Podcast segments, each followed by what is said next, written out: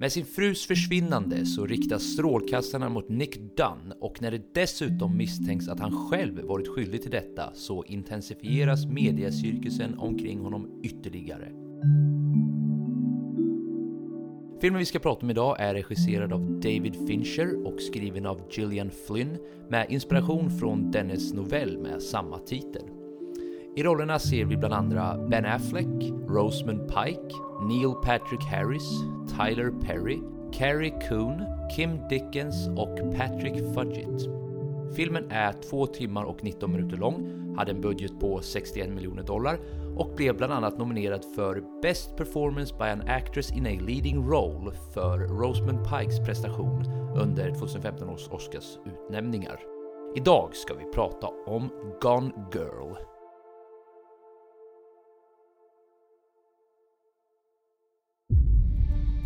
As far back as I can remember, I always wanted to be a gangster. The first rule of Fight Club is you do not talk about Fight Club. Did you eat all this acid? That's right. Music! What is real? How do you define real? Du är leksak! More people than you think, and more people each day. This is a world getting progressively worse. Can we not agree on that? Det finns bara ett ord för sådana som du. Och det är ondska. English, motherfucker! Do you speak it? I am the danger. Get away from her, you bitch! Are you not entertained? Are you not entertained? Why so serious? Alright, hallå allihopa och välkomna till ett nytt avsnitt av Spoiler alert med mig Joel Keskitalo och eh, med en boxcutter i höger hand och en sönderbränd dagbok i vänster där han för...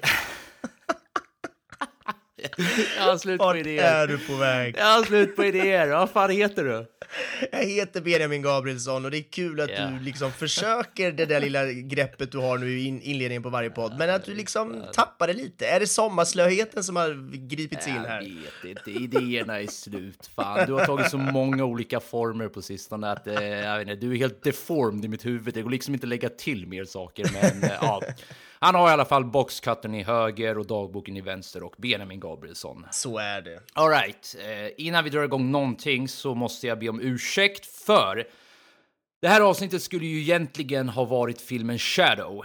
Just det. Och eh, det gick ju åt helvete, kan man ju säga. För, Svår att få eh, tag på. Ja, jag är jävligt slarvig. Jag hade inte dubbelkollat länkarna så som jag brukar göra. Jag hade faktiskt kollat och det såg ut då som att det funkade. Mm. Men jag gick inte hela vägen och liksom provade att beställa och hyra och så vidare. Så Mm. det gick inte att eh, se den helt enkelt. Och jag satt och letade sen i fan en timme för att försöka hitta den och jag lyckades inte få den på någon jävla sida. Nej. Så Shadow bidde det icke den här gången. Så vi ber om ursäkt för det att, eh, ja, att det inte gick. Så eh, på den vägen är det. Och ovanpå det så blev ju avsnittet fördröjt. Ja. Dels på grund av det, dels på grund av att vi har typ stuff to do. Du vet, ibland blir det över mycket som vi har sagt Ja. tidigare. Sen och blev jag du var sjuk. lite sjuk, precis. Så att jag får Ja. också be om ursäkt där, att det är lite mitt fel såklart. Så, men sånt händer, det är väl livet I guess. Och det var inte corona bara för att ha det avtäckt. Nej, precis. Det var väl en vanlig liten förkylning eller vad fan vi ska kalla det. Ja. ja, men så är det med det i alla fall. Jag ville bara ha det sagt innan vi drar igång. Så, eh, och det besvarar väl egentligen frågan varför det blev Gone Girl också. För eh, dels var det ju då för att Shadow inte gick att se, men också för att det här har ju varit en film som jag länge har, eh, inte, jag ska inte säga att jag velat sett den per se, utan den har bara legat jävligt högt upp på listan jävligt länge. Eh, och jag minns ärligt talat inte vem det var som tipsade mig om det här. Jag tror att det var David, shoutout till David, min arbetskollega. Eh, men om det skulle vara någon annan som hör det här och som bara känner sig jävligt sviken just nu så ber jag om ursäkt för det också, för jag minns inte. Men eh, så blev i alla fall Gone Girl vald. Och eh, lite spontana tankar, vad tycker du? Ja, men den här filmen, eh, spontant så växte den på mig lite grann. Och det var väl speciellt Ja. i början kanske som, som jag var lite mer tveksam. Men som, som sen så Mm. blev det ju bara mer och mer spännande, obehagligt och... Mm. Ja, men det var en jävla känsla under hela filmen som, som jag till slut landade i att jag tyckte var riktigt underhållande och Mm. trevlig faktiskt. Ja, nej, och som, jag, som vi brukar säga, jag har nästan exakt samma analys där när det kommer till mina spontana tankar. Jag, jag var alltså otroligt... Det här påminner mig lite om eh, den andra filmen vi såg nyligen. Eh, också på Netflix. Varför glömmer jag filmtitlar så mycket? Jag, jag har ett bra episodiskt minne. Jag minns scener och Ja, här, dialoger och skit, men titlar har jag fan... Uncut Gems. Ja, just det. Mm. Eh, där den också började och alltså, gav mig en så otrolig... Bara, nej, what the fuck är det här? Vad har jag gett mig in på? Mm. Men då den också vände och eh, vill ni höra mer om det så kan ni lyssna på det avsnittet. Uncut Gems kanske 48? Kanske. Och just det, Kanske. vilket avsnitt är det här då förresten? Ja, jävlar, det är avsnitt 50 också. Det kanske vi borde sagt i Snygg början. siffra. Woho! Någon sorts milstolpe som, Ja. jag, som vi äntligen har nått nu i alla fall. Får man ändå säga. Eh, men jag hade i alla fall precis samma känsla. Jag, Mm. jag upplevde filmens första 20-30 minuter som ganska generiska och så här, ja, ja en, en, thriller liksom. Ja, det här kommer väl bli vad det blir liksom. Men sen Ja. vände det ju totalt och helt plötsligt blev det en film som jag tyckte jättemycket om, alltså Ja, förvånansvärt mycket. Mm. Eh, så ja, big thumbs up får man ändå säga.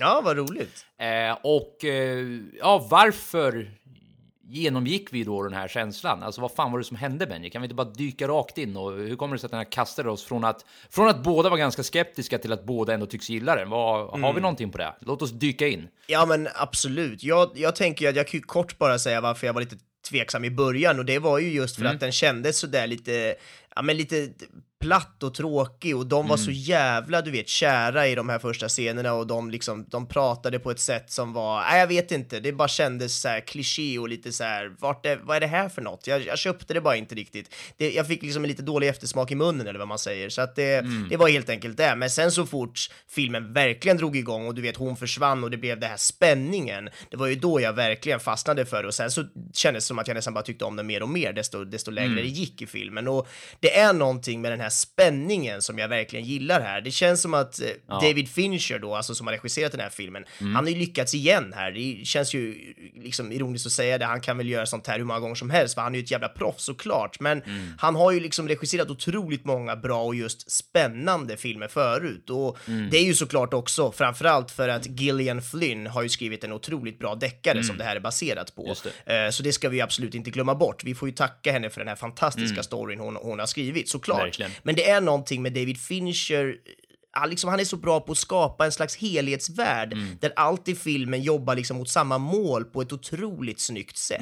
Det är liksom karaktärerna, det är dialogen, det är liksom kameraspråk, musik, färgtoner, det är allt. Ja. Och det är allt det här som är så väldigt noga utvalt för att det tillsammans ska skapa den här mystiska världen som vi får ta del av. Och jag tycker han lyckas så jävla bra. Alltså, Det är från att hon är borta eller egentligen ända från början tack vare musiken där i de här otroligt snygga, liksom nästan stillbilderna som man får se i början av filmen. Men, men det, det är liksom någonting där med, med sen hon, när hon försvinner egentligen, det är ju där det framför allt då liksom drar igång och sen resten av filmen är ju bara ständigt någon slags obehag, en ton av obehag och en känsla av vad, vad fan är det som händer? Mm, Ja, exakt, nästan hela tiden. Exakt, och det är det där som jag tycker de har lyckats så bra med. Jag kan inte riktigt sätta fingret på, alltså det klart jag kan påpeka massa tekniska detaljer om hur man får fram såna här känslor, men, men det är någonting med hela filmen överlag som jag är väldigt imponerad över hur de lyckas med den här spänningen. Va, vad tänker du om just det här spännande? Ja, ja, ja, men alltså, jag, jag tror du är, du är någonting på spåret där. Vi, vi brukar ju kunna prata om tonen ibland i filmen, Mm. alltså vad det är för sorts ton det sätter. Och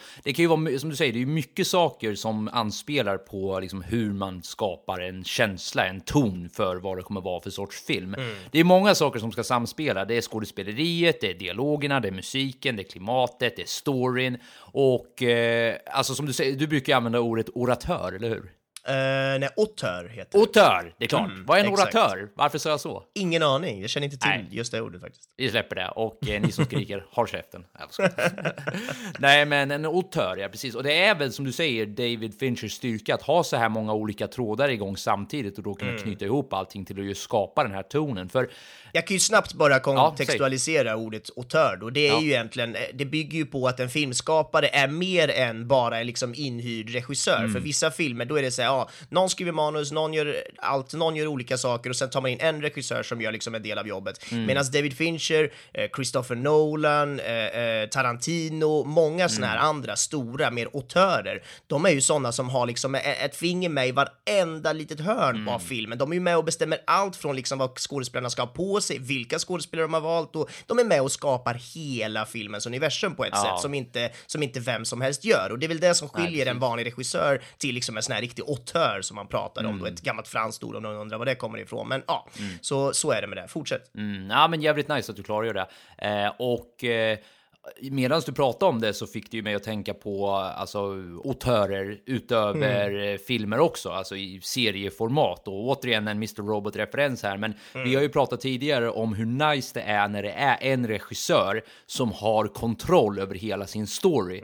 För då blir det ju om det är en bra regissör, vilket det är i det här fallet och vilket det är i Mr. Robots fall och vilket det är i många andra fall också. Men då blir det ju liksom att varje del inom filmen eller serien samspelar ju med de följande delarna efter eftersom personen i fråga, regissören, har ju helhetsbilden med hela tiden. Det gör ju att, eh, och det blir lite snyggt nu hur den här filmen då är strukturerad, för om vi tar den här första generiska delen som framstår lite tråkig, ärligt talat, och som blir lite så här, ja, är vi på väg till en ganska klyschig film nu som är så här, ja, den kommer säkert vara okej när det kommer till liksom thriller-sammanhang, men inte mer än så. Eh, men när man har sett hela filmen och när man har det här bakom sig som du sitter och säger nu, det här med en autör som liksom har kontroll över hela sitt verk, då förstår man ju att, det, eller den första delen som först framstod ganska generisk får ju en helt annan mening när man förstår att även den delen samspelar ju med alla andra lite senare. För hela kontexten förändras ju. Om man bara tar den här första fasen eller första delen då eh, då Nick Dunn, det vill säga Ben Afflecks karaktär, eh, mm. ja, när man får följa han och han bara framstår, ja, som sagt, det börjar med, ja, det är klart att han är mördaren, det är ju så jävla uppenbart, det ligger så mycket spår här och så vidare. Mm. Men hela tiden i bakgrunden har man den här konstiga känslan av att ja, det är nog fan lite för uppenbart ändå, eller vad, det är någonting som inte riktigt stämmer här. Men den obehagskänslan har liksom inte riktigt hunnit få kraft än. Utan det krävs ju de andra delarna för att det riktigt ska få sin kraft, så att säga. Så den första delen blir ju mer kontextualiserad när man lär känna vem den här Dunn-karaktären är och när man inser att shit, han är också en jävla, alltså, säg vad man vill, han må inte vara en psykopat och vi kommer komma in på karaktärerna i sig lite senare. Men han är ju också en jävla karaktär också och då när man har sett hela filmen och har, har, liksom har fått lära känna Nick mycket mer, då förstår man ju också hans agerande där i liksom filmens första del, där han framstår som extremt skyldig. Men det är ju inte på grund av liksom the circumstances, utan det har ju snarare att göra med hans egen otaktkänsla, om, om ni förstår vad jag menar med det. Alltså att han är så jävla klumpig, får man ju säga. Och inte klumpig i den Ja. att han snubblar runt på Ja, saker. men utan- osmidig. Han är osmidig, liksom, ja. Precis. Socialt person. jävla Ja, osmidig. Ja, exakt. Så, Mm. ja, alltså, jag håller helt med dig om att när man har en eh, person i rodret, så att säga, som får styra Mm. skeppet åt det hållet som han eller hon vill, då tycker jag att helhets, eh, liksom, projektets helhet blir mycket bättre Mm. och alla delar då samverkar för att skapa hela den här grejen. Ja, verkligen. Och det är ju någonting ganska härligt att, att prata lite mer om kanske det här med berättandet som du var lite inne på här. Um, alltså jag tänker mycket på det här med, med hur de väljer att berätta hela historien för oss då. Att, att det är ju en del flashbacks då från deras tid tillsammans som blandas med att Nick vi och får Amy, ja. förstå. Precis, precis. Nick och, Ja. är det så de heter? Nick och Amy? Ja, Nick Dunn och Amy Dunn. Just det. Jag, jag kommer, senare här kommer jag nog referera mer som Rosamund Pikes Ja, och Ben Afflecks karaktärer som vi Yes. brukar säga. Bara för att jag tycker det är ibland att det är lättare för att jag redan kan vad skådespelare Och det är nog lättare för er också, let's be honest. Kan vara så. Men Pike och Afflecks karaktärer då, Mm. om vi säger så. Um, ja, men att, att vi får förstå mer av deras förhållande liksom genom flashbacks och hur det kanske inte var så jävla bra som, som man först Nej, trodde. precis. Ja, men det här med att vi sakta förstår att Affleck är ett jävla as och att han är Mm. otrogen och så vidare. Eh, och sen då att vi dessutom börjar förstå att hon typ är helt jävla galen. Liksom. Mm. Du, det här... får jag bara avbryta dig en snabbis där? Ja, ja. Eh, Du ska få fortsätta det här spåret, men här har vi också ett exempel på den här obehagskänslan och den här olustighetskänslan som Fincher är så bra på, på att installera. För om du minns i början av filmen så framstår ju Amy som en ängel, Mm. som du säger, och han framstår ju som en douche. Men redan i början av filmen så får man ju höra hur Ben Afflecks eh, karaktärs syster är typ såhär, oh, that bitch. Alltså hon är ju Ah. jätteanti henne i början. Och även om det inte tas upp så mycket mer om det i just filmens första skede så har de ju ändå installerat något sorts tvivel inom henne att vänta här nu. Här framstår hon ju by every means som en väldigt sympatisk karaktär. Men ändå hatar Ben Afflecks syster henne. Och hon verkar ju också ganska sund. Så ja, jag var bara tvungen att slänga in den som en liten eh, reminder. Ja men Det exakt, vi och det är just det där som jag tycker att de gör så bra här, att det, det, det bygger ju på den här spänningen egentligen som vi pratade om tidigare, att, att Mm. det, det ger oss den här känslan av att vi som tittar är med och, och liksom upptäcker vad som händer. Mm. Att vi är med om att försöka förstå vad fan som egentligen har hänt med, med, med Pikes karaktär och att vi också Mm. är med när, med, när Affleck ja, men ska förstå hur jävla galen hon verkar vara och, och Ja. jag uppskattar helt enkelt verkligen hur de har valt att berätta den här storyn för oss med det här liksom blandande och hoppande i tid och mellan karaktärer och det, det kastar oss som tittar mellan så olika typer av stilar och, och, och eh, ja, men stilar av film. Det känns ju ibland som att det är liksom en, eller åtminstone i början så kändes det som att det var liksom en romantisk och ganska smart komedi typ och sen så blir det ju mer eh, ganska snabbt där någon slags polisthriller och sen dessutom så blir det ett slags maktutövande jävla relationsdrama typ som, som till slut landar i nästan någon slags skräck helt enkelt. Ja, men eller hur? liksom. Psychological thriller. Ja, ja, men verkligen. Så att jag är ju imponerad över hela det här liksom, sättet att berätta och det beror ju på tusen anledningar. Hur är boken skriven? Hur har de valt att filma det? Hur har de valt att klippa det? Och du vet, det, det beror ju på så mycket. Men, men vi sitter ju med resultatet och jag tycker att det är väldigt jävligt snyggt liksom gjort. Det är smart klippt och berättat för oss i alla fall. Ja. Och genom att eh, klippa på det här sättet och genom att berätta på det här sättet så får man ju också med väldigt mycket information Ja. utan att få det att framstå som överväldigat. Eh, jag sa ju till dig innan vi tryckte på play att jag tycker att eh, filmen är uppdelad i faser på ett sätt och eh, även om jag inte vill gå hela vägen med den jämförelsen för, eller med den liknelsen, för jag tycker inte riktigt att det håller, så finns det en viss poäng i det. Det jag menar med det lite är att uppdelningen av de här olika delarna, om man kan kalla det på det sättet, gör ju att det, det, det blir liksom som sitt egna kapitel. Om man till exempel kollar då den där första delen, då, all, då väldigt mycket kretsar kring Nick och liksom Amys försvinnande och hela den grejen. Jättemycket information trycks ju in i den delen. Som du säger, man får ju reda på väldigt mycket eh, om eh, ja, deras förhållanden, man får lite flashbacks därifrån, man får lite hints om att ah, allt kanske inte stod rätt till och du vet, han Nick verkar mer och mer skyldig, jada jada. Som sagt, jättemycket, du vet, de där agent eller de där poliserna introduceras, föräldrarna introduceras, eh, Nicks eh, dementa farsa introduceras. Alltså, Ja. Det är jättemycket information intryckt på en väldigt liten del som ändå inte känns överflödigt. Och ännu mer än så, när vi får ännu mer information sen om Amy, så skulle det ju kunna framstå som att nu, nu är det så mycket information, så hur ska vi hålla allt det här i huvudet samtidigt? Men jag tror att en, en eh, fördel filmen har att vara uppdelad på det här sättet, genom flashbacks, genom separation av tid och rum, så gör man att nu kan vi börja på ett nytt kapitel här där vi kan trycka in jättemycket information om Amy istället. Och då får man ju hela den berättelsen och då får man ju helt plötsligt en yikes! Okej, nu måste jag typ tänka om allting jag trodde om den här filmen och allting jag trodde om den här karaktären, för nu får jag jättemycket information som pekade åt den helt motsatta riktningen än vad jag nyss trodde att det var.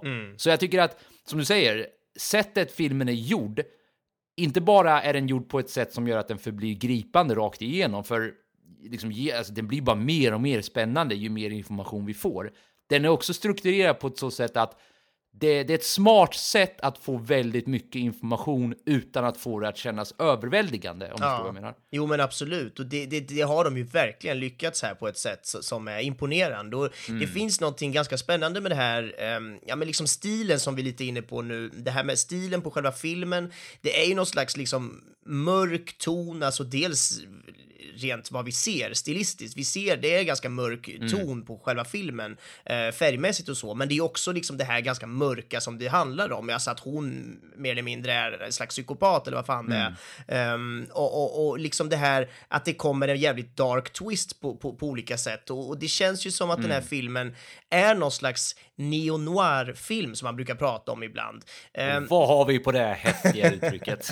Ja, men neo-noir är egentligen en, en... Neo betyder ju ny och noir kommer då från eh, film noir, eller noir-film då, som är ett gammalt eh, sätt, en gammal genre kan man säga, där framförallt på 40 och 50-talet så var det många Hollywoodfilmer som var thrillers, alltså polis-thrillers, som hade en väldigt så mörk ton över sig på olika sätt. Dels i berättandet, men också i, liksom, i stilen, i ljussättningen, att det kändes mörkt och mycket skuggor. Det var liksom stilistiskt väldigt så, ja men mörkt helt enkelt. Varav noir, det betyder ju liksom svart på franska. Ehm, Och neo-noir då är ju helt enkelt när, när filmer idag har lite av den här stilen i sig, Mm. därav neo-noir, alltså nya noir-genren skulle man väl kunna kalla det. Och, och det jag skulle kunna säga att den här filmen kanske är någonting man skulle kunna klassa in där i den lite mer neo-noir-världen så, som det ändå finns en del filmer så, som har den, den stilen. Och att ja, absolut, och just att det få, kommer ofta en mörk twist i sådana filmer och det har vi ju här också, så att det, det är mycket som passar in på det här kanske Mm. eh,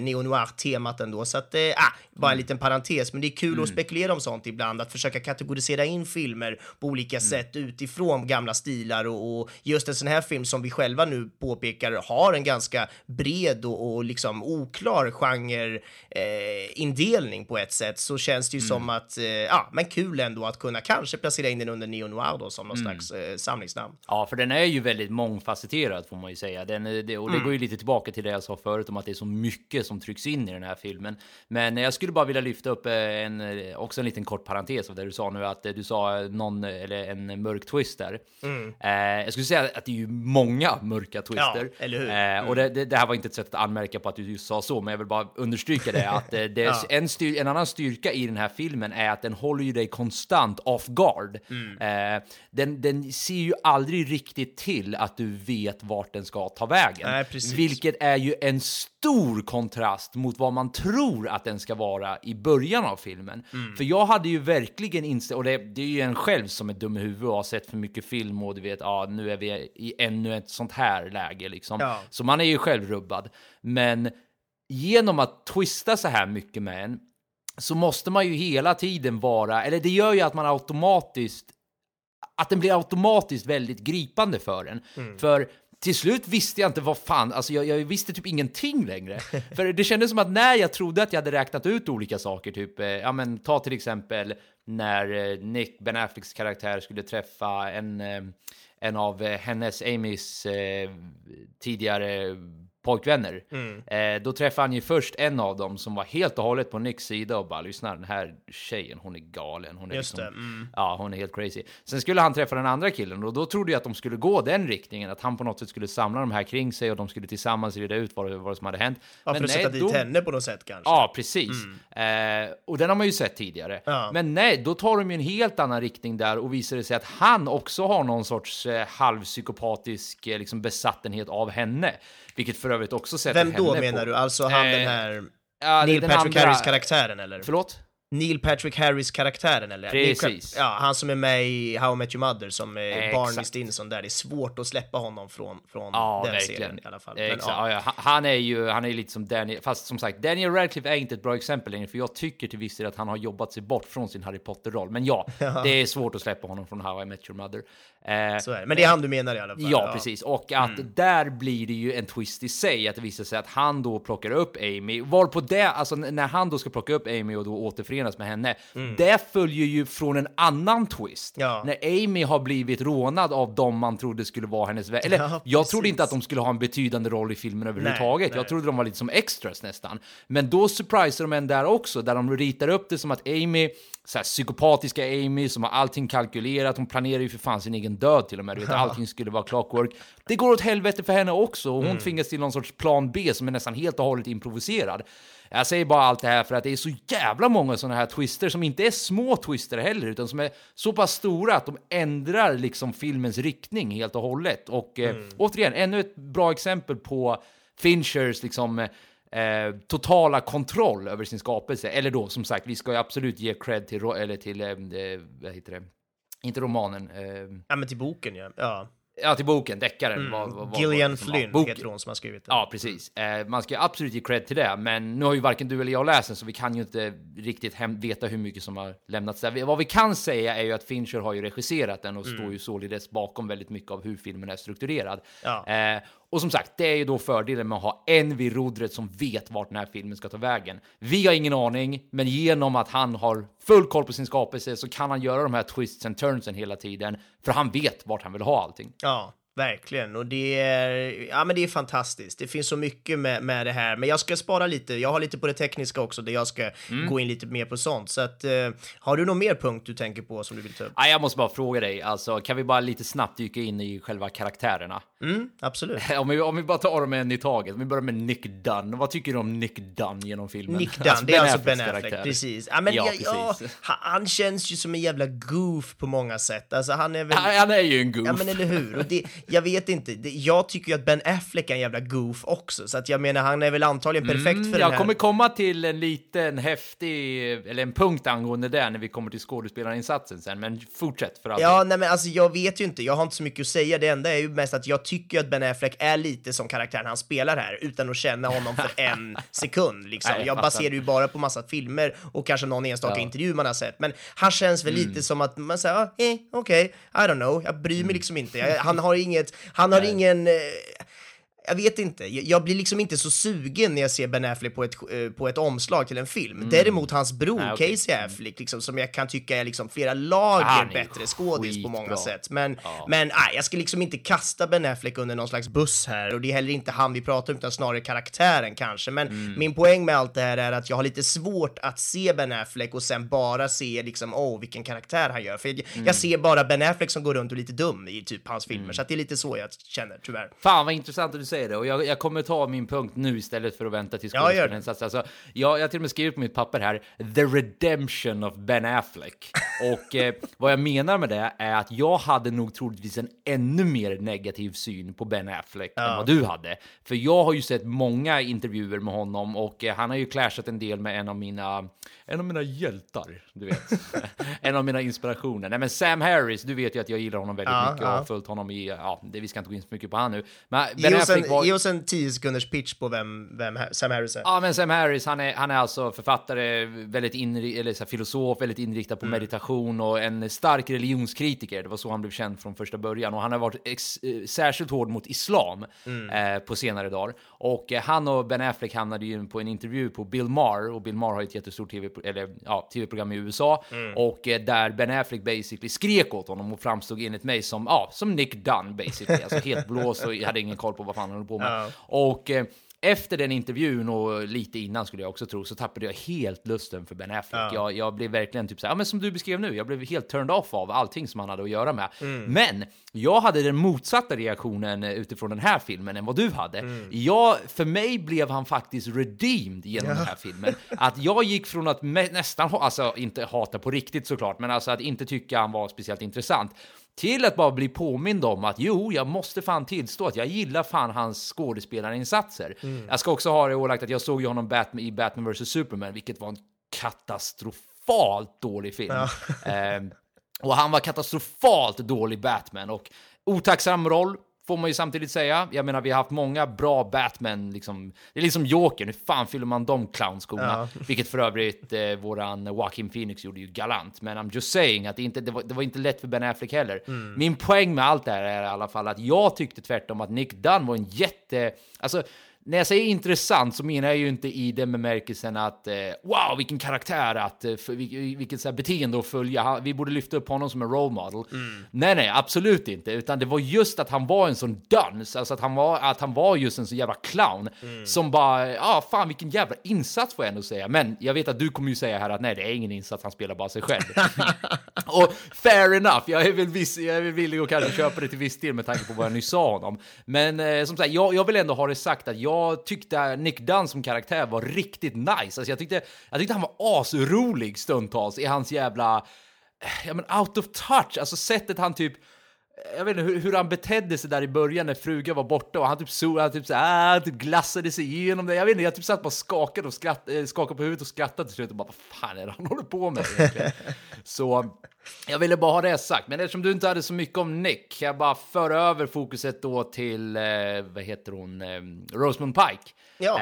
Eh, vad vill säga om henne då? Amy Dunn, the psychopath herself. Eh, finns det något där du kan lyfta? Precis, och då är det ju framförallt själva karaktären vi pratar om. Vi kan ju Ja. spara skådespelet kanske till senare, Absolut. men, men, äh, men jag tycker att den karaktären, till skillnad mot Nick Dunn då, så tycker jag Amy Dunn är liksom superspännande. Mm. För hon känns ju som en person i början som man har koll på. Man tror att man vet lite vad hon är för typ och Mm. vad hon liksom håller på med och sådär. Men, men du vet, så, så länge filmen fortlöper så bara förstår man mer och mer att hon verkar helt flippad. Ja, och just alltså helt sättet flippad. hon, hon är på, alltså just att hon, hon känns liksom sådär, ja men nästan lite som en docka docka ibland, du vet så här, lite skräck, ja men du vet så här, lite stel och försiktig på ett sätt som jag liksom blev nästan lite Men obe- Jag fick liksom obehaglig. obehag. Ja, Ja, verkligen. Och, och, och, eh, nej, men så att jag, jag tycker att det var en riktigt spännande karaktär Mm. överlag. Vad tänkte du? Nej, alltså det, jag håller med dig. Och det är ju många av twistsen eh, med henne som enligt mig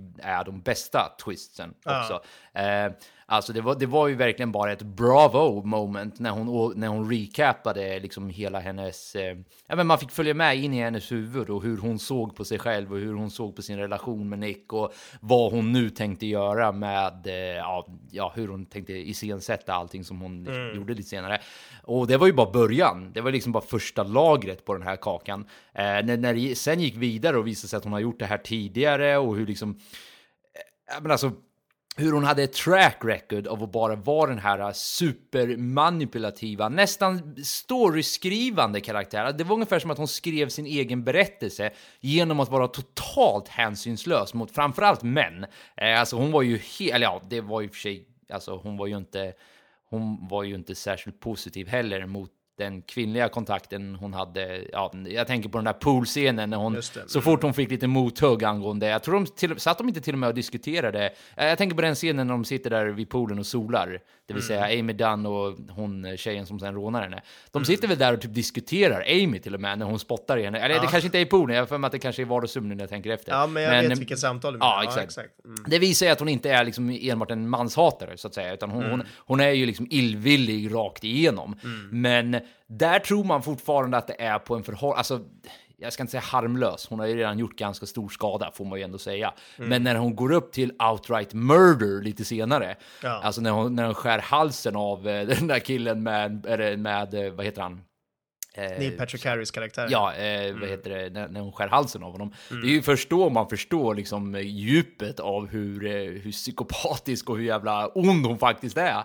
Ja. Eh, så, men anledningen till varför jag också ville lyfta upp de här två karaktärerna är för någonting som den där advokaten som försöker hjälpa Nick Dunn ur all den här knipan säger. Han skrattar ju bara till slut när, när hon kommer tillbaka och han, han, han säger någonting som jag tycker summerar upp det ganska bra. Oh, God damn it, you two, alltså ni två. Eh, bara den frasen tyckte jag fångade ganska bra hur jävla galen deras relation är och hur jävla bisarr den här situationen är som har ritats upp här. Här har vi liksom Nick Dunn, ganska blåst, ganska självgod, ganska så här careless fast på ett ganska korkat sätt. Det är inte den här charmiga carelessness utan han är bara blåst på ett plan. eh, och du, ihopkopplad med den här uh, supergenomtänkta, supersmarta och super, superpsykotiska Amy Dunn. Alltså jag förstår varför han skrattar. Jag skrattar också. Det här är ju liksom en explosiv jävla kombo. Eh, men jag vill avsluta hela den här liksom halv eh, tragedikomiska delen av det, för det är ju komiskt. Alltså, eller Ja. får jag fråga dig, tyckte du, alltså, jag tyckte det var asrolig stundtals. Har du något kort om det eller? Nej men verkligen, det var väldigt många gånger där jag bara skrattade högt för att, ja men du vet, antingen så gjorde Ben Affleck någon konstig grej eller så bara sa de så här, du vet, men det är smart manus och det kom mycket kommer säkert från den här välskrivna boken kan jag gissa, men just att det var liksom kommentarer som var spydiga, snabba och välplacerade som ändå fick det att bli riktigt jävla roligt ibland. Även om det 99% av filmen inte känns som en komedi så var Nej, det ändå precis. mycket skratt liksom. Exakt, ja exakt. Det, det där sista du sa var fan jävligt bra, för det är ju inte en komedifilm by any stretch alltså. Det, det märker man ju ju längre filmen går. Ja. Men ändå är det kommentarer som bara är riktigt roliga. Ja. Och då, då har ju Ben Affleck ett par stycken som jag bara kommer på just nu. Han har ju en när hon, när Amy då haltar tillbaka till honom, hon har blod överallt omkring sig. Och Nick, han typ fattar ju direkt vad som händer. Men, men hon kastar sig över honom, båda vet att kamerorna är riktade mot dem och han viskar i hennes öra. You fucking bitch. Alltså det säger så mycket bara det. Och sen när de diskuterar lite senare och bara You cut his throat with a box cutter. alltså, bara det är så jävla grovt. Men hur fan ska jag kunna leva med dig? Du är en jävla mördare. Men Exakt. trots att det här är så kul eh, kan man ju tycka. Advokaten tycker det, du och jag sitter här och skrattar. Men det är ju samtidigt så jävla tragiskt. Eh, och jag vill då lyfta upp Nick, eh, Ben Afflecks eh, karaktärs syster. Eh, som jag tycker hamnar lite i skuggan i den här filmen. Men jag skulle vilja hävda att hon är filmens riktiga hjälte här, ärligt talat. Eh, hon backar ju Ben hela tiden av, eh, eller nu sa Ben, men ni fattar vem fan vi pratar om. Ben Affleck equals Nick Dunn. Hon backar ju honom hela tiden. till början av lojalitet, men hon är ju samtidigt inte bara någon dum liksom eh, men ihålig karaktär, utan hon är ju liksom, eh, hon säger till honom flera gånger bara du måste fan skärpa dig, kan du berätta sanningen för mig eller vad fan är det som händer liksom? Mm. Och jag tycker allt det där, eh, den här tragedin och hennes eh, liksom hållning i allt det här fångas så jävla bra när hon i slutet av filmen eh, gråter eh, och hon är helt förstörd och hon säger alltså hur fan, du, du kan inte leva med henne, hur, hur ska det här? För hon alltså förstår ju på riktigt hur illa det här är. Och jag säger inte att Nicks karaktär inte gör det heller, men hon enligt mig Ja, framstår typ som den... inte, känns det Ja, fast det. typ inte liksom. Eh, jag tycker att hon framstår som den mest sympatiska och den enda normala om jag ska vara helt ärlig i hela deras lilla liksom, relation där. Eh, så trots att den är kul, trots att liksom lite härliga kommentarer och allting, så, så påminner den karaktären oss om att eh, Alltså det är ändå jävligt mörkt det här. Alltså ska han bo med en psykopat nu som kan döda honom så här, ja när, eller alltså vad fan kommer hon göra? Alltså, v- ja, hon har ju som sagt ett track record och beter sig ganska illa. Så, uh, jag tyckte det var en fin scen och spoiler, det är faktiskt en av mina favoritscener i filmen. Ja, men, kul. eh, Ja, men det, det, jag, jag håller med. Det var otroligt, ja, men kanske på ett sätt nyttigt för filmen och för storyn och för oss, våran publikens skull, att hon, systern, var med där. Eh, för att det känns som att hon är ju liksom the, the, the voice of reason, eller så man säger. Jaha. Eh, ja, men liksom bokstavligt talat under hela filmen för, för Ben Affleck-karaktären, men också att hon blir någon slags här, ja men en, en person som är lite logisk och, och eh, Ja. rationell på ett smart sätt som, som vi då i publiken ändå kan känna, ah vad skönt att den där finns. Ibland i vissa filmer, speciellt skräckfilmer, då känns det bara som att alla är dumma i huvudet och ska springa in i mörka källare utan något slags konsekvenstänk alls. Så är det ju väldigt många skräckfilmer och andra liksom konstiga filmer överlag. Men här var det ändå skönt att vi hade då systern som någon slags, ja men jävla normal människa som bara kunde så här bena ut och försöka förstå vad de här Amy Dunn och Nick Dunn egentligen fan håller på med. För det är ju mörkt och konstigt och oklart eh, på många sätt. Ehm, Och ingen annan bryr sig ju heller. Nej. Alltså ingen annan bryr sig. Jag menar visst, polis, eh, hon kvinnliga polisen, hon bryr sig ju till den graden hon kan bry sig. Mm. Men hon erkänner ju sen också att nej, alltså jag kan inte göra någonting åt det här. Nej. Och jag menar kamera, liksom den, eh, eh, vad ska man säga, journalistiska besattenhet som har liksom präglat det här paret och framförallt då Nick i, under Mm. filmen. De bryr sig ju inte heller. De är ju bara glada att ja, ah, all's, all's well that ends well. Liksom. Mm. Att, eh, det är ju guld och gröna skogar det här. Vad har ni att oroa er för? Advokaten bryr sig uppenbarligen inte. Han garvar ju bara ah, tack, jag cashar in checken och sen är mitt jobb ut. Liksom, du, du gick ju fri liksom. Mm. Det är egentligen bara hon som liksom genuint bryr sig. Och ah, jag vet fan, det var, det var jävligt fint på något sätt att hon eh, fick lite utrymme för det. Verkligen. En grej jag tänkte på nu när vi pratade om det här med konsekvenser Mm. och allting och vad, vad Alltså hon Amy Dunn då, Rosamund Pikes karaktär, Mm. hon, hon mördar ju den här Neil Patrick Harris karaktären, men det, det blir... Mm. With liksom- a box cutter! Ja, exakt, men det blir liksom inget mord, eller för hon kan ju bara åka hem och sen är alla lyckliga, eller vadå? Va, varför Mm. blir det...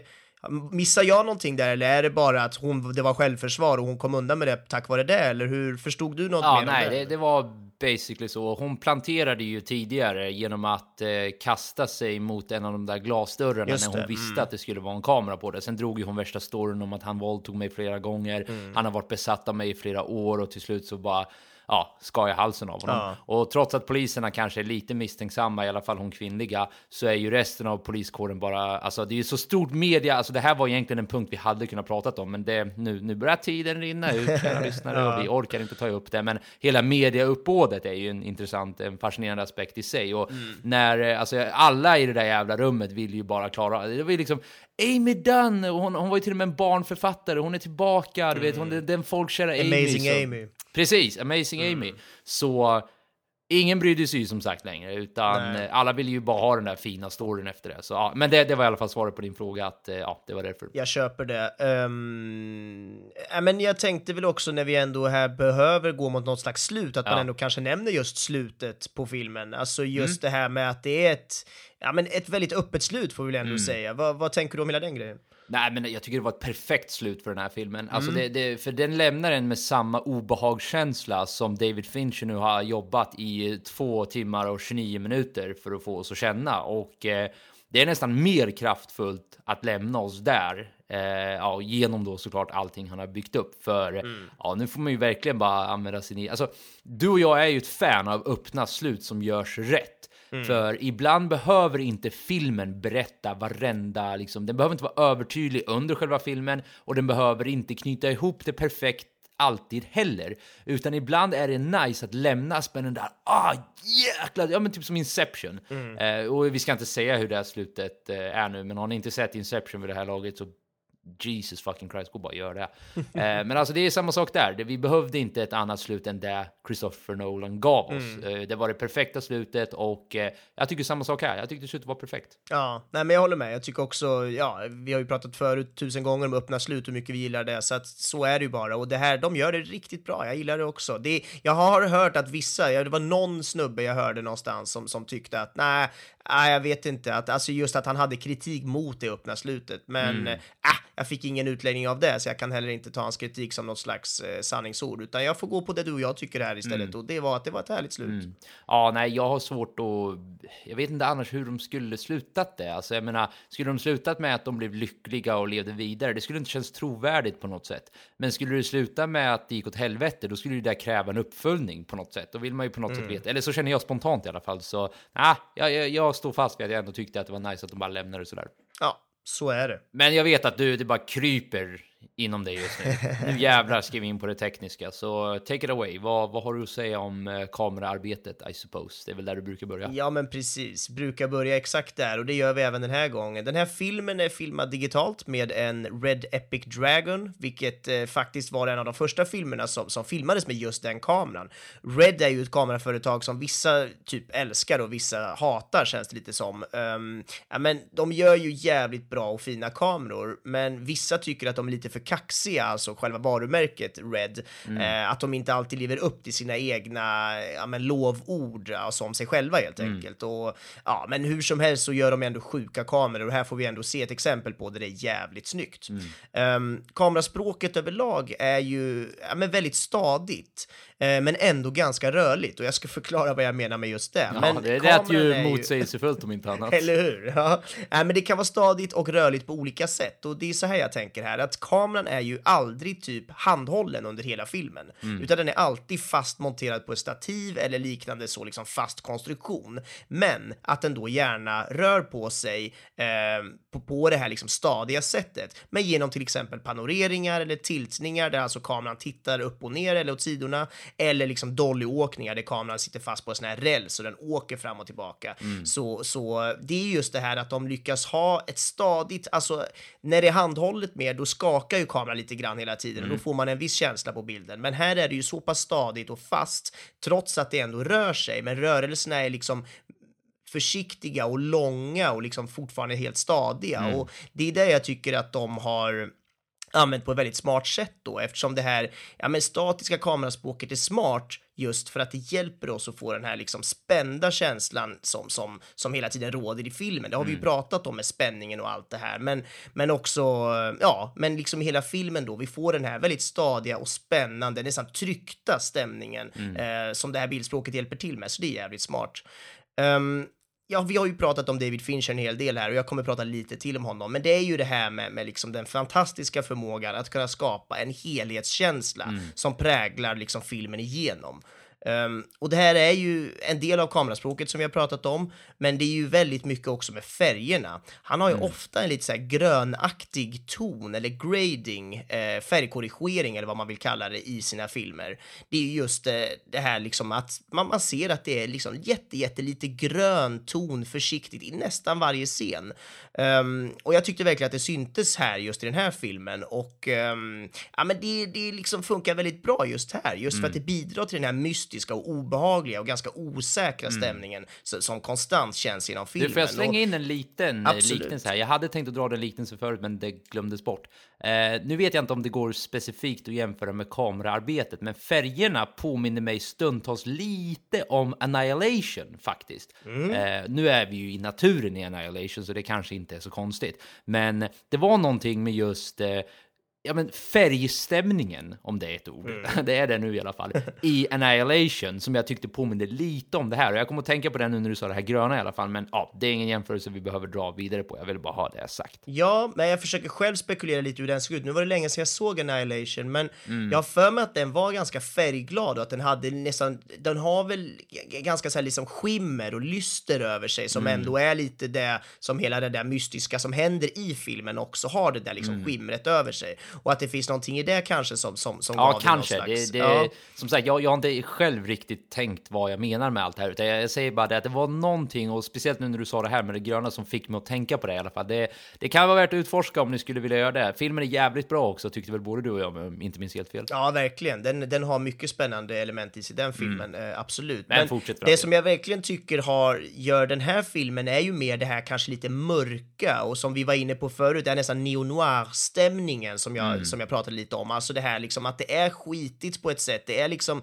lite, lite mörkt och det är lite, lite grönt på många ställen. Mm. Väldigt små liksom nyanser pratar vi om här. Det är inte som att det är en grön film. Det är inte, det är inte riktigt som Matrix där liksom allt känns väldigt grönt, utan här är det ju väldigt, väldigt svag, svag, svag tintning av liksom grönt man kan känna. Men hur som helst så tycker jag att det funkar väldigt bra i just den här filmen. Ja, men sen har vi också klippningen. ehm, och vi har ju redan nämnt här hur vi kastas mellan olika tid, tider i filmen och karaktärer och allt fan vad det är. Men, men det är ju såklart ehm, liksom saker som sker genom hur, hur de väljer att klippa filmen. Alltså att det är ju detaljer som till exempel scenen på, på när, när, när Pikes karaktär, alltså mördar Neil Patrick Harris, karaktären, där vi pratade om, när hon skär halsen av honom i sängen där. Ehm, The box cutter. Exakt, det är ju liksom en otroligt spännande, både ljudläggning där, men också sättet det klipps på. Med så här otroligt häftiga sätt att att klippa på, när som de lägger in svartrutor emellan de här klippen som också är från helt olika vinklar på när de ligger i den här sängen samtidigt som blodet bara sprutar och nej, men det är liksom helt jävla otroligt coolt och snyggt och framförallt fantastiskt effektfullt för att skapa just den där scenens obehag som, som ska nå fram till oss i, i publiken. Så att, nej, jätte, jättesnygg scen verkligen.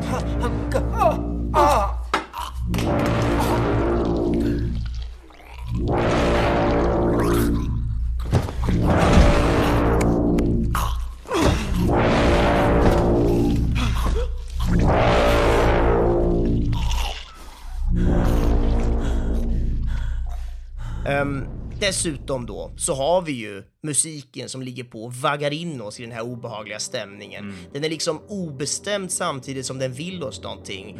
Den leder oss framåt samtidigt som den typ tar omvägar och den får oss att tro att det är en viss känsla eller tanke vi ska tänka, men istället springer vi åt ett annat håll och det är egentligen allt det här då som vi har pratat om, som, som alltså bildspråket, färgtonerna, musiken, klippningarna som såklart då får allting att hända i filmen och som tillsammans då på ett härligt helhetspaket som vi har pratat om lyckas leverera den här fullskaliga upplevelsen som jag verkligen finner ja, men riktigt jävla underhållande. Och där får vi ju på ett sätt bara tacka David Fincher såklart, men, men, men, men alla andra som såklart har jobbat med den här filmen. Men det finns någonting med vissa filmer där man känner att det är ett helhetspaket som lyckas så bra och då blir jag riktigt jävla glad. Så att det är väl egentligen det jag har att säga här på det tekniska. Och vi har ju redan, eh, ja, precis som vi har nämnt de delarna du nyss pratade om också, men vi har ju också rört väldigt mycket på skådespelarinsatserna. Det går ju liksom inte att Ja. komma ifrån när vi pratar om ja, hur Nick Dunn och Amy Dunns, eh, det vill säga Ben Affleck och Rosamund Pike, eh, äger den här filmen mer eller mindre.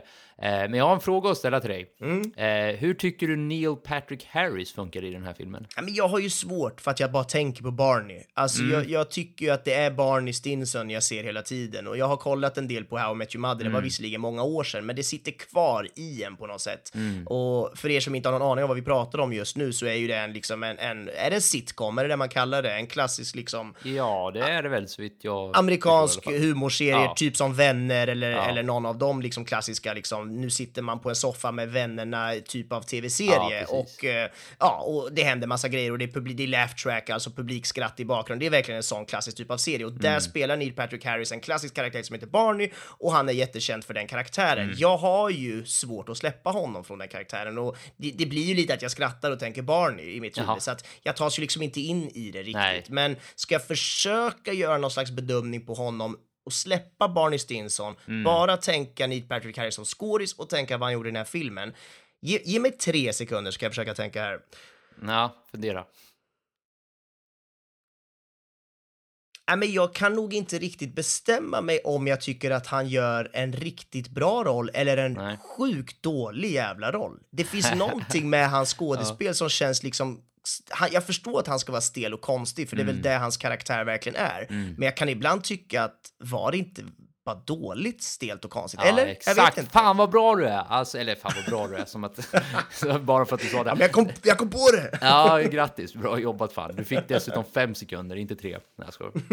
Nej, men alltså jag landade tyvärr i samma insikt får man väl säga. Jag tyckte faktiskt inte han var bra alls. Nej. Eh, och jag köper heller inte att han skulle varit en stel och tråkig karaktär, eller stel och konstig karaktär så att säga. Mm. Utan jag tyckte han var bara stel och dålig. Alltså det är väldigt sällan jag säger så här om skådespelarinsatser, för det är så här, who are we to judge? Alltså det är ju svårt att säga och så vidare. Och vanligtvis brukar ju faktiskt insatserna vara väldigt bra i de filmer vi har valt. Ja, men, av- det säger väl någonting då? Ja, om den här faktiskt. prestationen. Alltså, jag tycker om det får dig att tycka att han är dålig, då måste han ju ha varit svindålig. Ja, eller så är vi som sagt båda förpestade av hans prestation i How I Met Your Mother. Men det, jag tror det... Men där tycker jag att han är bra som, som just barn Ja, i. Här var han ju. inte bra egentligen. Nej, och kanske har det att göra med att det är en så jävla annorlunda roll mot vad han spelar i den här filmen. Men Ja. av alla i hela ensemblen tyckte jag faktiskt att han var den som levererade minst. Mm. Och då hade jag ändå inga förväntningar alls på honom. För som vi sa tidigare, att gå från en väldigt väletablerad roll och sen hoppa in i en helt annan där du ser, du ser ju exakt likadan ut också. Han har inte Ja. gjort någonting, Nej. liksom, eh, han har inte gjort någonting för att, ja, han ser ju ut som han gör i How I Met Your Mother. Exakt. Och spelar också en rik jävla dude. Det gör Ja. han ju också i How I Met Your Mother. Går runt i kostymer och bor i coola lägenheter. Så att det är väl klart Ja. som fan man tänker att det är han. Ja, och, och jag tyckte inte riktigt att samspelet mellan eh, Rosamund Pike och han var så bra heller. Och som sagt, det, det kan ju vara du och jag. Alltså det kan ju också ha att göra med att det var det som var poängen. Att det skulle vara lite stelt, det skulle vara lite konstigt och det skulle Ja. vara lite udda. Men ja, det var någonting jag inte tyckte...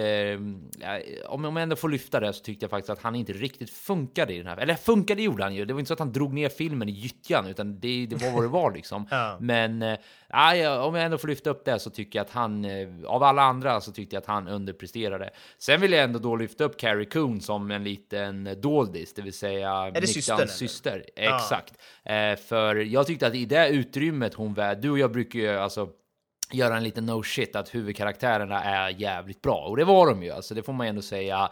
Till skillnad ja du, du, har ju din gripe med Ben Affleck då förvisso men men eh, jag vill ändå då lyfta upp Carrie Coon som en liten doldis där som jag, jag tyckte hon var skitbra i de scenerna hon var med. Hon var bra i hennes samspel med Ben Affleck när hon hjälpte honom liksom. Och det är någonting när hon bröt ihop där i slutet och började gråta som rörde mig jävligt djupt. Och ja när, när, när, när det kan nå den sortens känslos liksom rubbning inom mig, då, då har de ändå lämnat något sorts avtryck. Så eh, ja, jag får ändå säga att jag, jag vill ändå ge henne någon sorts... Om jag, om jag ger Neil Patrick Harris en thumbs down så ger jag henne en thumbs up. Ja. Utöver då liksom Ben Affleck och Rosamund Pike, som såklart var awesome, tycker jag. Verkligen. Jag skulle bara vilja understryka lite till på Rosamund Pike, för jag tycker inte riktigt att jag, jag sa så mycket om henne. Ben Affleck var jag på lite förut när vi pratade om karaktärerna.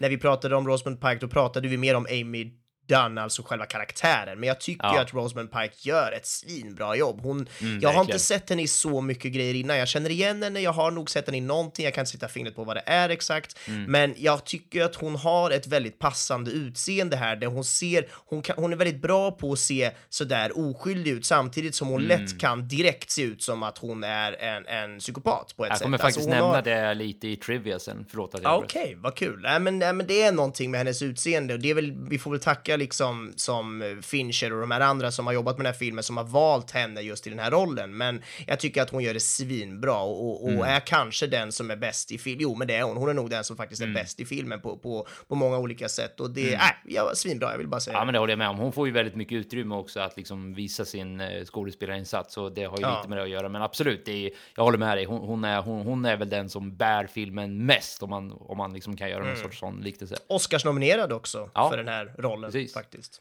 Vann inte tyvärr, men ja, nej, kul. Eh, men eh, ja, jag, jag har inte så mycket mer om eh, det tekniska, Nej. så ska vi gå mot eh, slutord eller? Det tycker jag. Ja, och du vill väl som vanligt att jag inleder den, antar jag? Ja, men jag tycker ju att det är bättre om vi börjar med favoritscen. Jag tror att vi gjorde så förr i tiden, sen har de där råkat bytt plats lite under tidens gång. Men Mm. ja, det har du jag gillar nog att man i. Mm. avslutar med slutordet, så jag kör lite favoritscener istället då. Ja, men det låter rimligt. Men bara för att du blev en sån jävla douche helt plötsligt så får väl du, eh, du får väl börja då. Ja, men det kan jag göra. Jag har faktiskt redan nämnt min favoritscen utan att nämna att det var den, Mm. men det är ju den här när hon skär halsen av Neil Patrick Harris, Harris karaktären. Mm. Ehm, jag tycker den scenen, just för att den var klippt och ljudlagd på ett sånt häftigt sätt, när kameran liksom bara kastas med olika små svartrutor emellan klippen så att det tar längre tid tillsammans med ljudläggningen. Och sen bara det som faktiskt sker där i den scenen, att han liksom, ja men han kommer ju, han får en orgasm samtidigt som hon skär halsen av honom. Jag vet inte om det är världens bästa eller sämsta sätt att dö på, men jag tror att det är det sämsta. Men, nej, men det, det är ju bara så jävla absurt på många sätt. Och liksom scenen eller filmen överlag når väl något slags klimax där, någon slags kulm där det, där det bara är helt, eh, ja, det är otroligt helt enkelt. Så att jag väljer den nu, scenen. nu, nu tror jag du får backa lite. Det, det där måste ju vara det bästa sättet att dö på.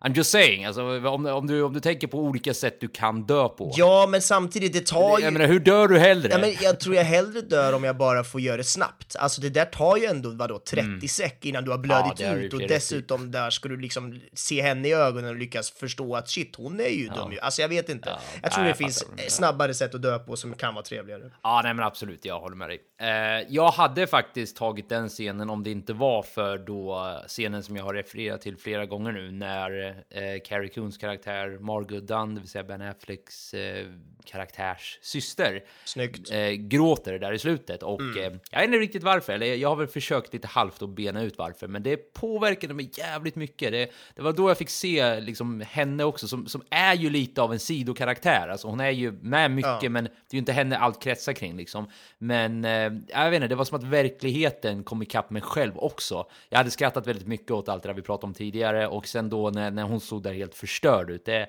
jag vet inte, jag började nästan gråta nu. Alltså, jag, jag vet inte, det var något jävligt starkt med den scenen måste jag säga. Så Men jag tror att, bara för att fylla i lite kanske vad du är ute efter, Mm. det känns som att hennes liksom, att hon bryter ihop där och, och gråter och hela den grejen är ju egentligen på något sätt vad vi kanske som publik känner, men också som vi vill egentligen att Ben Afflecks karaktär ska Mm. typ känna. Och hon blir ju som någon slags katalysator för hela den liksom Mm. känslan inom oss och inom vad vi, vad vi vill att de här mer normala inom citattecken personerna i den här filmen borde tänka. Mm, Men att man liksom nästan blir arg på att Ben Affleck och, och att de är så jävla galna i sitt förhållande och ja, så på något sätt så kanske det är det då, att hon, hon gråter åt dig i den. Ja, men lite så. Och som du sa tidigare, hon är, hon är the voice of reason. Och, Ja, även, hon, hon sitter på golvet liksom med, med huvudet i knu, på knäna, tittar upp mot honom vädjande. Ja, det var Ja. väldigt mycket där som jag tyckte var väldigt starkt. Ja, men sen vill jag lyfta upp en annan scen lite snabbt bara. Det är den där intervjuscenen när Amy Dunn sitter och tittar på den på tv. Och,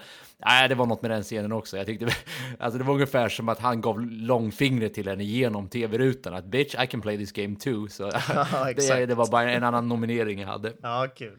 Men okej, en summering då. Ja, slutord. Varsågod Slutord. Eh, ja, men alltså en oväntat bra film och den eh, oväntat eh, i den bemärkelse att den började på ett sätt men kastades om och blev någonting helt annat. Och eh, genom mörka twists and turns, genom liksom ett psykopatiskt eh, psykopatisk handling får man väl nästan säga. Och genom den här mystiken som vi har pratat om så blev det ändå en riktigt nice rulle måste jag säga. Ja. Ja, men jag instämmer och för mig är det ju som vanligt att det finns där härliga liksom tekniska aspekter, Finchers liksom tematiska, stilistiska stil och grepp på hela filmen där han knyter ihop det här på ett otroligt eh, eh, välutfört sätt. Ja, men det får ju mig att bara buga och bocka, så jag, jag instämmer. Ja, men då så. Då drar vi lite trivias för filmen då, som ni alltså kan hitta på filmens IMDB-sida. Mm. Eh, Jag har, det fanns jättemånga, så jag har inte, jag har plockat ut ett par stycken här, men det finns många fler än så här och de var jävligt intressanta faktiskt. Så jag rekommenderar att ni går in och kollar på dem, eh, läser dem om ni Nice. har lust med det. Men Ben Affleck, han höll egentligen på med ett annat projekt när den här filmen skulle spelas in. Eh, han var regissör till filmen Live by Night eh, som kom ut 2016. Men han sköt upp den när han insåg att han skulle få jobba med David Fincher. Ben Affleck hävdade nämligen att, citat, och det här är då jag som översatt från engelska till svenska, men det kanske jag inte behövde säga. han är den enda, citat, han är den enda regissör jag någonsin träffat som gör allas jobb bättre än de själva gör. Kul att vi har pratat om Ja, det typ ändå. det hela. Eh, jag, jag är inte helt, exakt, faktiskt, det, det, det tänkte jag inte på, men det, det är sant. Eh, jag är inte helt klar med den trivian. Eh, under filmens inspelning så justerade han kameran, alltså Ben Affleck nu då, han justerade kamerans läns extremt minimalt. Och sen slog han vad med resten av crewet ifall Fincher skulle märka någonting. Han förlorade vadet, för Fincher anmärkte direkt att citat, varför ser kameran lite suddig ut? Snyggt. Och då hade han alltså justerat den minimalt. Ja. Nej, David Finch lurar man inte bort i första taget. Och eh, nästa trivia då, och nu vill jag lite halvt fråga om du la märke till det här, för jag ska vara helt ärlig, det gjorde inte jag. Eh, ben Afflecks kroppsvikt, kroppsvikt ändrades under filmen, där han i början är ganska vältränad ändå, till att vara extremt muskulös. Och det här berodde ju då på att han var planerad att spela Batman i den kommande Batman vs Superman. Det är ju någonting med Batman-rollen som sagt. Coolt. Nej, det var ingenting jag tänkte på. Nej, inte jag heller. Men eh, sen när jag tittar tillbaka på lite senare, då syns det faktiskt, ja, inte jättetydligt, men man ser det när man tänker på det. Ja. Så om ni ser om filmen så kan ni lägga märke till det. Eh, David Fincher förklarar att valet av, och det här kommer ju här med Rosamund eh, Amy som vi pratade om förut. Eller vad sa du? Oh, Rosamund Amy. Mm. Pike. De här jävla namnen alltså, vi har kastat fram och tillbaka hela tiden. Men Rosamund Pike i alla fall. Det berodde delvis på det faktum att hon kunde betraktas som både väldigt ung och lite äldre. Ah. Vilket gav hennes karaktär en mer oklar nyans. Eh, att Rosamund dessutom var ett enda barn var tydligen också en aspekt Fincher ansåg var relevant när han eh, valde henne för den här Wow. rollen. Så som du säger, han, han har verkligen ett finger med i alla de här detaljerna. Ja, häftigt. Och eh, när det kommer till att välja skådespelare så brukar Fincher vanligtvis gå ut på internet och titta igenom skådespelarnas bilder i hopp om att se vilken roll de passar som. Eh, när han till exempel skulle välja Ben Affleck som Nick så såg han bilder på honom när han log på ett särskilt sätt. Fincher menar då att det var det här leendet som fångade essensen av den karaktären som han hade i huvudet. David Finchers val av Trent Reznor och Atticus Ross, de musikansvariga, eh, berodde på en upplevelse han hade haft på ett spa, alltså David Fincher. När han var där så hörde han en musik som skulle föreställa avslappnande, men som under ytan hade en läskig och ganska olustig underton. Någonting som han ville efterlikna i sin film. Han ville att tittarna, och lyssna på det här, han ville att tittarna skulle luras in i, en avs, i ett avslappnande tillstånd, men samtidigt känna den där hemska känslan i bakgrunden. Fan, det var ju Eller typ hur? det är precis det vi har suttit och försökt fånga här. Otroligt. Han har lyckats, får man ju säga. Ja, verkligen. Jag börjar få mer och mer respekt för Fincher för varje, varje sekund som går. Ja. Men eh, två till då. Eh, ben Afflecks karaktär Nick Dunn skulle egentligen ha på sig en Yankees-keps under en scen. Men detta vägrades av Ben Affleck som själv är en die-hard Red Sox-fan. Tönt! ja, lyssna på det här. Fincher och Affleck kompromissade därför med varandra och Affleck bar istället en New York Mets-keps. Det här är alltså baseballlag så vitt jag har förstått som. Eh, innan den här överenskommelsen var nådd hade det dock urartat och avbrutit filmens produktion i fyra dagar. Du, Affleck du hävdar skojar? han- Det, du, det Nej, här jag är på inte. riktigt alltså? Ja, men du, det, det, det, låt, låt mig läsa klart. Eh, Affleck hävdade att han älskar Fincher, men att han inte tänkte gå så långt för honom som att ha den kepsen Åh, på sig. Eh, under filmens DVD extra material så får man se en intervju och hur Fincher, hur Fincher då skämtsamt säger att det var citat fullständigt oprofessionellt beteende. Så jag vet att du ville ta det här nu till att Ben var en douche, men jag tror att det var lite skämtsamt från bägge. Om jag ska. Alltså, fyra Ja, berätta, dagars tankar. uppehåll på grund av en keps med fel lag som man vägrar Mm. på sig. Fyra dagar på en filminspelning är väldigt mycket pengar. Ja. Det är bland det mest absurda jag hört och om, om Ben Affleck hade någon slags respekt inom mig så har han nu noll. Nej, jag nej, nej, hatar nej, säg inte den så. mannen. Vad är det som har hänt? Hur fan kan han inte? Han är ju skådis, det är inte Ben Affleck som har på sig kepsen utan det är ju, det är ju han, han Dunn, vad fan heter han? Nick Dunn Dunn, som har ja. på sig kepsen, inte Ben Affleck. Nej fy fan, det är det värsta jag hört. Fan, hatar honom, hatar Ben Affleck. Nej, men lyssna, jag vill ändå ha det sagt att det, det lät på dem som att det var skämtsamt sagt. Och jag Men det har är ju för, inte... att, det är väl för, för att Fincher är trevlig, men Fincher hatar Ja, ju okej, Ben Affleck, det vet ju jag. Jag ska inte tycka mer än så här. Och jag har heller inte researchat om hela den här trivian är ett skämt eller inte. Men så här stod det i alla fall. Så ja, take it or leave Ja, jag tar det. Ta det för vad det är liksom. ja, men sista då, apropå filminspelningen då. Att David Fincher filmade otroliga 500 timmar material över en 100 dagars period med ett medelsnitt på 5 timmars filmande per dag.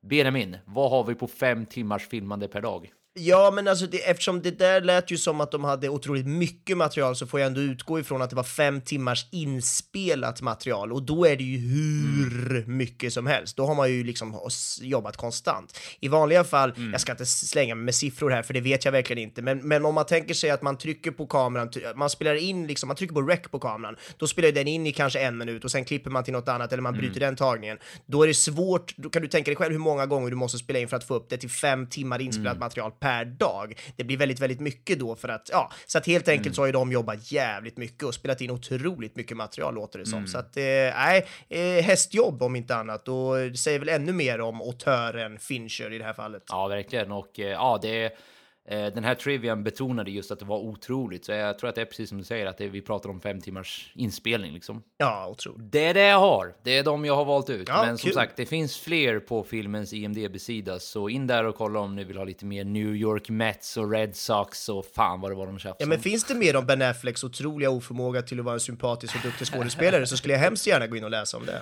Ja, jag vet faktiskt inte. Jag såg inte mer om det under Trivia, men du får väl, du får väl researcha det lite, vilket du absolut inte kommer göra. Aldrig i livet.